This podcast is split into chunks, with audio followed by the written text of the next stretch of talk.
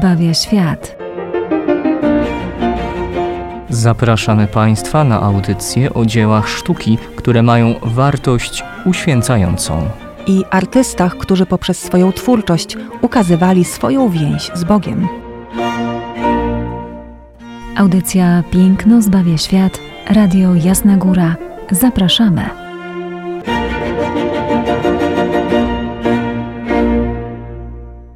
Witamy Państwa serdecznie w kolejnym wydaniu audycji Piękno zbawia świat. Izabela Banaszewska. Ojciec Tomasz Mordziałek. A z nami wita Państwa Donato Bramante, renesansowy architekt. I tutaj można zapytać, czy architekt florencki, czy architekt mediolański, czy też rzymski. Każde z tych stwierdzeń będzie prawdziwe, ale dziś powiemy o jego doskonałym dziele sztuki, jakie wykonał na terenie Rzymu. A jest ono e, niewielkie i umiejscowienie e, tegoż, e, tejże wspaniałej budowli też jest trudne w pewien sposób do znalezienia, gdyż umiejscowione jest w krużganku klasztoru, gdzie no trudno dojrzeć tą, tą wspaniałą budowlę, o której zaraz przedstawimy w ogóle całą jej wspaniałość, mimo jej niewielkości, ale i doskonałości architektonicznej a jest ona, tak, San Pietro y, w Montorio. Tak, dobrze to y, umiejscawiam dobrze. Mm. Zgadza się, wszystko się zgadza. Jak ja sam zobaczyłem... San Pietro in Montorio, tak, kościół sam, i klasztor.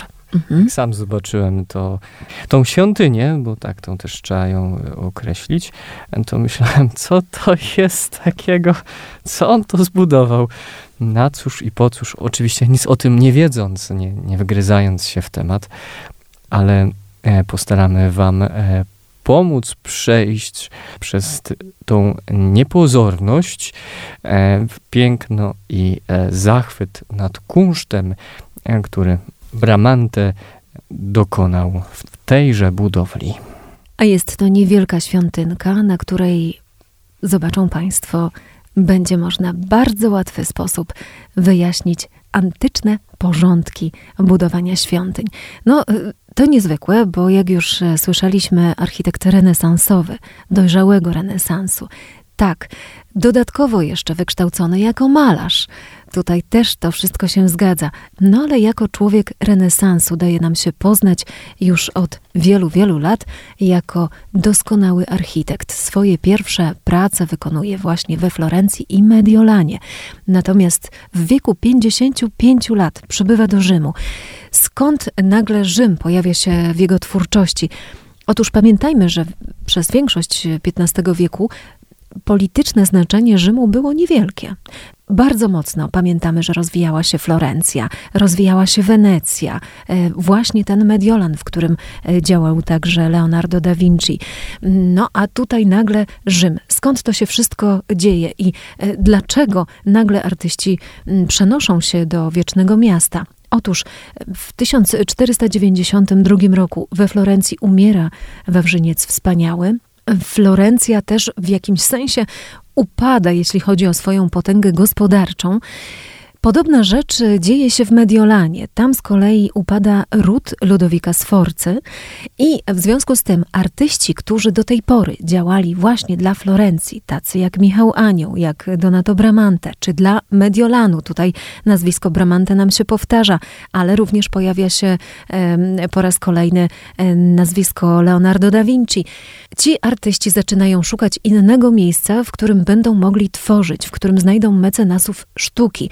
Jak wiemy, Leonardo da Vinci przeniesie się do Francji, gdzie zostanie do śmierci, natomiast Donato Bramante wybierze Rzym. I on także faktycznie w Rzymie pozostanie już do swojej śmierci. Na wzrost Rzymu jako potęgi zarówno gospodarczej, jak i artystycznej e, wpływa także i pontyfikat papieża Juliusza II. Jego pontyfikat zamyka się w latach 1503-1513 to jeden z największych mecenasów sztuki w epoce renesansu. O tym trzeba pamiętać. I właśnie pod jego rządami, że tak powiem. Miejsce znajdują tutaj artyści, e, tacy jak Donato Bramante, jak Michał Anioł, jak Rafael Santi i wielu, wielu innych, którzy pracować będą zarówno przy Bazylice Watykańskiej, jak i przy wnętrzach Pałacu Watykańskiego. E, także Bramante z uwagi właśnie na sprawy gospodarczo-polityczne musi znaleźć nowe miejsce, nowych mecenasów, wybiera Rzym. Pojawia się tutaj w 55 roku swojego życia. Zaczyna wprawdzie e, nie od tego dzieła sztuki, ale na nim się dzisiaj zatrzymamy. Tempietto, bo tak nazywa się nasza świątynka, żeby uczcić pamięć, od, od uczczenia właśnie pamięci. Czyją pamięć ma uczcić? Otóż wybudowane zostaje w miejscu, które wskazywano jako miejsce męczeńskiej śmierci świętego Piotra Apostoła. Jak pamiętamy, święty Piotr zostaje także ukrzyżowany w Rzymie. Dokładnie. Tak e, jak i przekazuje nam tradycja, e, święty Piotr e, jest ukrzyżowany i jest na wzór. Chciał, nie chciał być aż tak podobny do swojego mistrza, by ukrzyżowanie wyglądało no tak jak normalnie sobie to wyobrażamy, więc poprosił swoich katów, aby e, jego głowa była skierowana w dół, czyli krzyż był po prostu odwrócony, więc też tu warto zaznaczyć, to już troszeczkę z innego tematu, że odwrócony krzyż intencjonalnie jest znakiem chrześcijańskim, jest znakiem kierującym nas ku męczeńskiej śmierci świętego Piotra. Natomiast oczywiście intencjonalnie można też e, odwrócony krzyż, ale tu jest ważna intencja tego, który to tworzy, który to przedstawia symbolizować, e, czy wchodzić w tą drogę wyśmiewania chrześcijaństwa, czy też nazwijmy to znaku demonicznego. Ale powiedziałem, to jest troszeczkę z innej bajki. E, nasze Tempietto, ta świątynka, jest miejscem, jest martyrionem, czy też martyrium bardziej z łaciny, martyrium z greckiego, martyrium z języka łacińskiego. Jest to e, miejsce, typowy kościół dla sztuki wczesnochrześcijańskiej, związany z budowaniem e, na grobach męczenników lub ich męczeńskiej śmierci. Tam szczególnie wchodzono w kult i właśnie nasze Tempietto jako miejsce męczeńskiej śmierci świętego Piotra. Tutaj Bramante buduje nam pewien e, punkt, stricte e, punkt wyznaczający ważne miejsce e, dla chrześcijan, ważne miejsce dla upamiętnienia świętego Piotra, którego jak na pewno jeszcze gdzieś dojdziemy, my w wierze możemy nazwać go i sama architektura też jakoś na to wskazuje, jako herosa wręcz e, naszej, naszej wiary.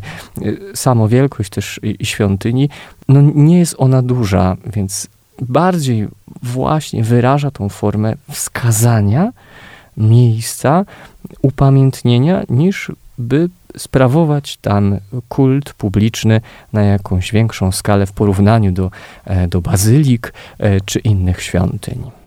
Dokładnie tak. Martyria nie były przeznaczone na kościoły parafialne. One miały właśnie stanowić świątynie pomniki poświęcone upamiętnieniu śmierci męczenników. Wspomniałam Państwu, że święty Piotr zostaje także ukrzyżowany w Rzymie. No jak wiemy, Chrystus został ukrzyżowany w Jerozolimie, ale to także miało się odnosić do chrześcijan. Pierwsi chrześcijanie umierali właśnie w Rzymie taką dokładnie śmiercią męczeńską, czyli podobnie jak Chrystus zostawali ukrzyżowani. Jak już wspominaliśmy, święty Piotr uznał, że nie jest godzien umierać w ten sam sposób co Zbawiciel i e, chce być ukrzyżowany głową w dół a więc jest to również świadectwo jego ogromnej pokory. Uważa, że nie jest godzien dzielić tej samej śmierci. Wrócimy jeszcze do tego, że jest herosem chrześcijaństwa. Ten aspekt jego pokory też tutaj, jak widzimy, jest bardzo istotny. Wracając do, samych, do samej formy martyrium, owszem, Donato Bramante, zobaczmy, że po pierwsze posługuje się tutaj architekturą starożytną, architekturą antyczną i odwołuje się do niej także ideowo. Dla Bramantego oczywiście odwołanie do kościołów wczesnochrześcijańskich było odwołaniem do starożytności. No my oczywiście dziś dzielimy to na epoki, prawda? Starożytność grecka, starożytność y, rzymska i świat wczesnochrześcijański. Dla Bramantego było to jedno świat starożytny. On odwołuje się tutaj ideowo do dwóch form, jakie powstają jako przykład świątyni chrześcijańskiej. Pierwsza z nich to była bazylika i w takiej formie oczywiście także budował swoje kościoły, a druga z tych form to było właśnie martyrium, czyli e, kościół centralny, niewielka świątynka centralna. I na tym planie centralnym budowane były zarówno martyria, jak i baptysteria, które z kolei znamy również na przykład z Rawenny. A więc forma zaakceptowana już wcześniej, już wcześniej znana. I teraz zobaczmy, co on takiego nam tutaj daje. Przede wszystkim powiedzmy jeszcze, ojcze, z jakiego tytułu w ogóle dostaje takie zlecenie. On przecież sam tutaj nie wykłada e, swoich funduszy na stworzenie e, Dokładnie. tego dzieła, lecz e, idzie to z ramienia katolickiej rodziny królewskiej hiszpańskiej, od Izabeli I Kastylijskiej i Ferdynanda II Aragońskiego. Tak. I zlecenie jest właśnie na stworzenie pomnika kościoła, który będzie jednocześnie pomnikiem upamiętniającym męczeńską śmierć świętego Piotra, dokładnie w miejscu jego śmierci. Więc niejako miejsce zachowuje nam tutaj in situ, obudowane poprzez obiekt sakralny. I od razu jeszcze chyba warto, zanim pewnie wejdziemy w pełni szczegółów, no to pełen projekt nie został zrealizowany. Mhm. To, co mamy, przetrwało do naszych czasów, zostało wykonane, to tylko e, część większego E, spojrzenia większego zamysłu e, architekta. No niestety nie udało się w pełni tego wykonać. Szkoda, bo pokazywałoby to jeszcze większe piękno.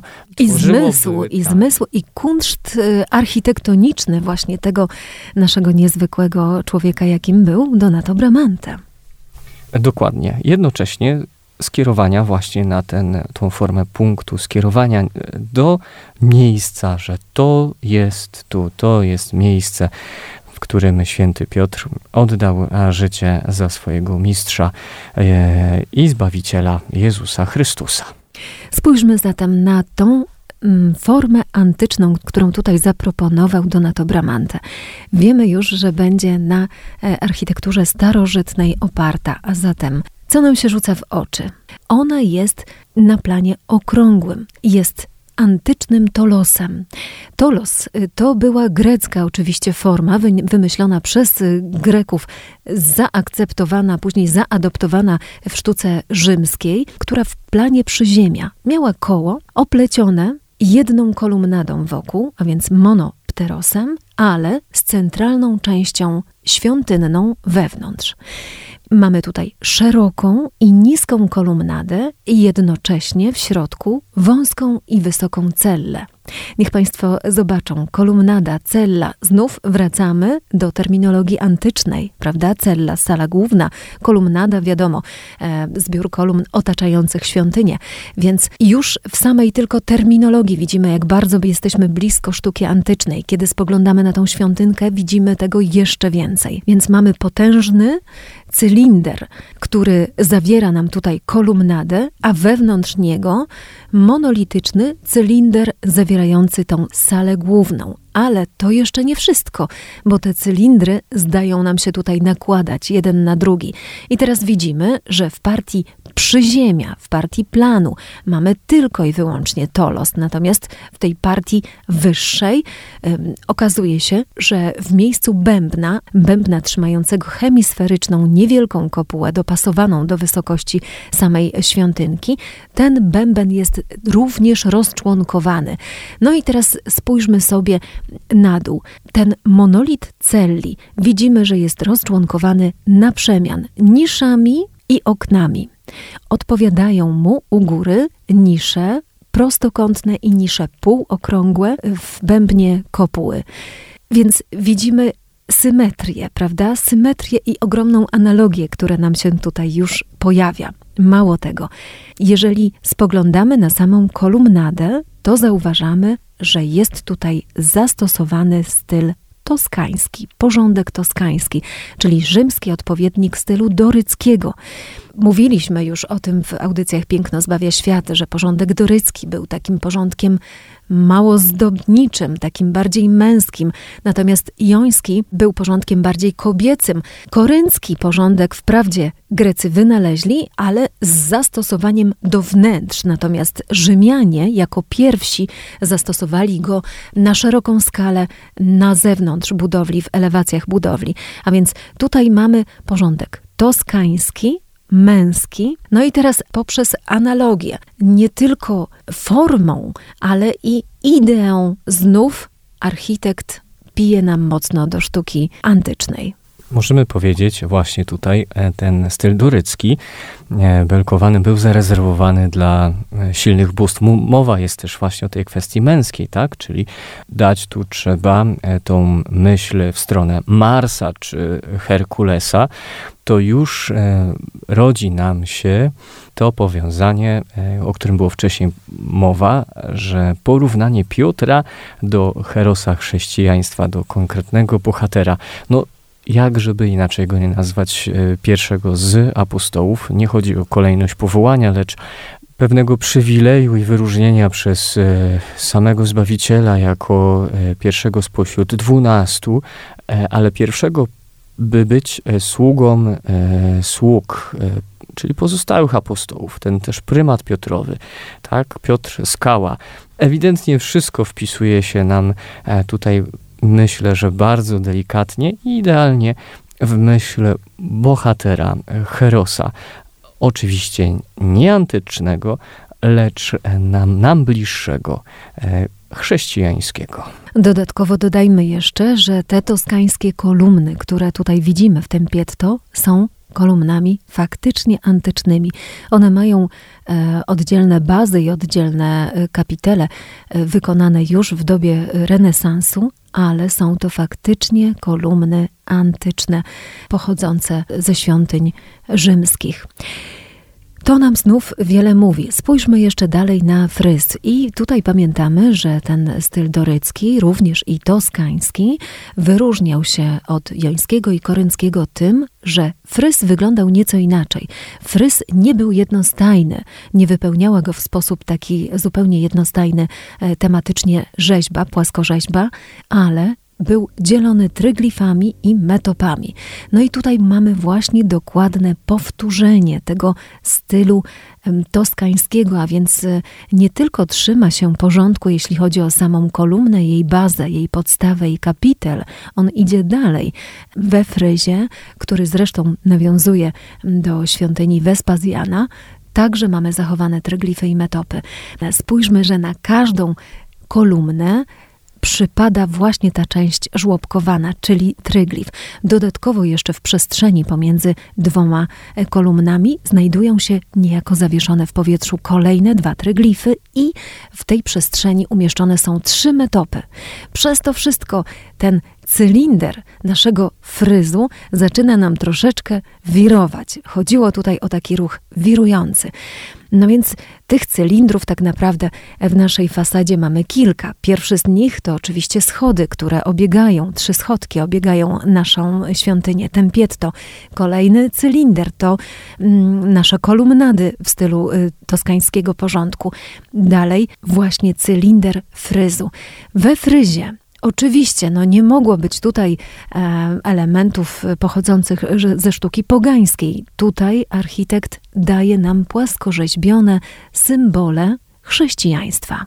Bramante wzorując się na świątyni Wespazjana, w której we fryzie są e, symbole ofiarne, my natomiast e, w, tym, w tej świątyni, w tym fryzie, która poświęcona jest męczeńskiej śmierci świętego Piotra, spoglądamy na różne, niektóre liturgiczne przedmioty, niektóre nie związane z naszą wiarą. Chociażby klucze, które wprost mówią nam o, o świętym Piotrze. Znajdziemy też tam lichtarze, samą hostię. Prawdopodobnie dojrzymy, czy tam lawaterz, bądź jakąś formę chrzcielnicy, może cyborium, trybularz, czy jakąś amforek, w której przechowywane będą święte oleje. E, też nie, nie, do, nie dotarliśmy do pełnych e, zdjęć pokazujących nam cały fryz i czy te e, wszystkie symbole się powtarzają, czy są one unikatowe we fryzie. Tego do końca nie wiemy. Wracając jeszcze do świątyni Wespazjana, która we fryzie po, posiadała symbole ofiarnicze, tu Bramante daje nam ten odnośnik też niejako trochę do ofiary, ale inaczej rozumianej w naszej chrześcijańskiej myśleniu, do liturgii. Liturgii, która jest oczywiście od razu nam kojarzy się z Eucharystią, czyli z mszą świętą, ofiarą, e, najświętszą ofiarą, e, która jest sprawowana, która uobecnia to, czego dokonał Jezus poprzez wieczernik na krzyżu i, i całe zmartwychwstanie. E, więc e, pewna myśl zaczerpnięta e, z pogaństwa, ze starożytności wybrzmiewa uaktualniona dla wiary chrześcijańskiej. No i w taki też właśnie sposób architekt odtwarza formę antyczną na potrzeby współczesnego jemu chrześcijaństwa, świata chrześcijańskiego. Spoglądając jeszcze na e, to nasze pięterko, można powiedzieć, naszej świątyni, czyli na tę część górną, która jest oddzielona balustradką i, i otacza, ta balustradka otacza oczywiście ten bęben hemisferycznej kopuły. Zobaczmy, tutaj są kolejne pierścienie, te cylindry, tak, w których z, z kolei pojawiają się właśnie elementy pionowe balustradki, które podobnie jak te tryglify e, poniżej, jak trybiki na pewnej tarczy, którymi są te cylindry, zaczynają nam tutaj wirować. One także mm, przypadają, każdy z elementów pionowych mm, tej balustrady przypada, celuje konkretnie w tryglif, a tryglif e, celuje w kolumnę, przez co mamy zachowane elementy pionowe, elementy wertykalne. Natomiast jeśli chodzi o wszystkie elementy horyzontalne, to są to właśnie gzymsy. Najpierw schody, a potem gzymsy e, tych wszystkich cylindrycznych e, elementów, czyli e, fryzu, balustrady, no i kopuły. Wszystko tutaj sobie odpowiada nawzajem. Wszystko jest bardzo harmonijne i bardzo logiczne. Architekt widać, że myśli na zasadzie konstrukcyjnej. On chce nam pokazać, jak to wszystko jest zbudowane. I tutaj też taka ciekawostka. Pamiętajmy, że oczywiście Bramante w momencie, kiedy przyjechał do Rzymu, to pierwsze co zrobił, to on zaczął studiować te wszystkie pozostałości świata antycznego które wcześniej widział także i w Mediolanie, tam e, widział e, e, kościół San Lorenzo, pochodzący ze sztuki wczesnochrześcijańskiej. Tutaj w Rzymie studiuje wszystkie elementy Forum Romanum. Widzi świątynkę przy Tybrze, która od VI wieku zostaje nazywana świątynią Westy. Widzi świątynię w Tivoli, świątynię Sybilli, która także jest Tolosem. Ona ma koryncką z kolei kolumnadę. Widzi te wszystkie elementy, ale pamiętajmy, że większość z tych zabytków świata starożytnego już w XV wieku jest pozbawiona tej swojej marmurowej dekoracyjnej elewacji. One są wszystkie odsłonięte i odsuwają właśnie beton, surowy mur, w jakim budowali Rzymianie. Przez to wszystko, no chcąc, nie chcąc, architekci są zmuszeni do zwracania uwagi na ten aspekt konstrukcyjny, a nie na dekorację. Właśnie w taki sposób myśli tutaj Donato Bramante, pokazując nam konstrukcję swojej budowli. Wszystko tutaj sobie odpowiada, wszystko jest bardzo precyzyjne, logiczne i jednocześnie, jak to bywa w renesansie, symetryczne, harmonijne i piękne. Nawet ilość kolumn ma tutaj znaczenie, jak ich ładnie policzymy, wyjdzie nam, że jest ich 16. A liczbę 16 Witruwiusz uważa za doskonałą z racji 10 plus 6, a obie te liczby e, są doskonałe według e, Pitagorejczyków. Nawet gdy spojrzymy jeszcze na e, oczywiście całość naszego tempietto, nie widzimy dolnej części, czyli gdy jesteśmy już w samej świątyni, e, no to jeszcze mamy tą e, taką, tą dolną część, e, jak dobrze kojarzę i czytałem, nie ma tam dostępu stricte dla zwiedzających, ale jest, takie, jest taka kratka, która pozwala zajrzeć w dół. I tu też mamy drogę symboliczną.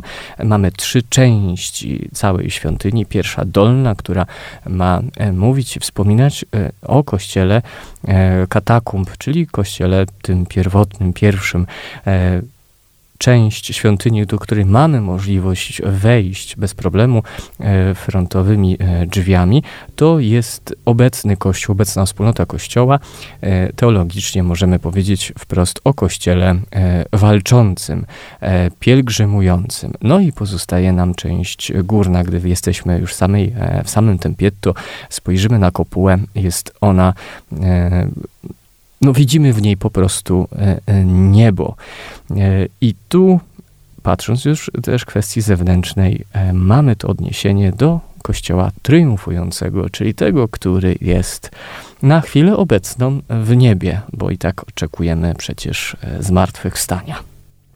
A na zakończenie dodam jeszcze tylko ciekawostkę, drodzy Państwo, w 1570 roku, kiedy Andrea Palladio, znany już Państwu architekt, mm, podróżował po Rzymie, aby w swoim notatniku oczywiście rysować sobie zastałe wówczas przez niego zabytki starożytne. Zresztą był on wówczas w trakcie komponowania swojego traktatu o architekturze. Oprócz oczywiście budowli klasycznych oraz swoich własnych budowli, przeniósł do tego traktatu tylko jedno współczesne dzieło, współczesne, czyli renesansowe dzieło. Było nim właśnie Tempietto Bramantego, przez co oddał on hołd swojemu poprzednikowi. Myślę, że to najlepiej e, świadczy o tym, jak doniosłym dziełem jest ta niewielka świątynka, o której istnieniu mało kto wie. Więc gdy będziecie w Rzymie, to koniecznie e, trzeba gdzieś e, odnaleźć. Po pierwsze, na pewno w e, przewodnikach, na mapie ten punkt. Punkt też ważny dla naszej wiary, e, bo punkt, w którym to święty Piotr e, wszedł w tą drogę podobieństwa e, do Chrystusa, z tego punktu właśnie zaczerpnąć tej siły, by w naszej codzienności również naśladować Chrystusa. No, nie wyjdzie nam to i mam nadzieję, że chociaż dla pierwszych chrześcijan to było marzeniem, aby oddać życie za Chrystusa w ten sposób fizyczny, nam na pewno przypada czynić to w sposób e, codzienny, by stary człowiek umierał, a rodził się w nas Chrystus. Tego Wam e, życzymy przy spoglądaniu na Tempietto i mówimy Wam do usłyszenia za tydzień.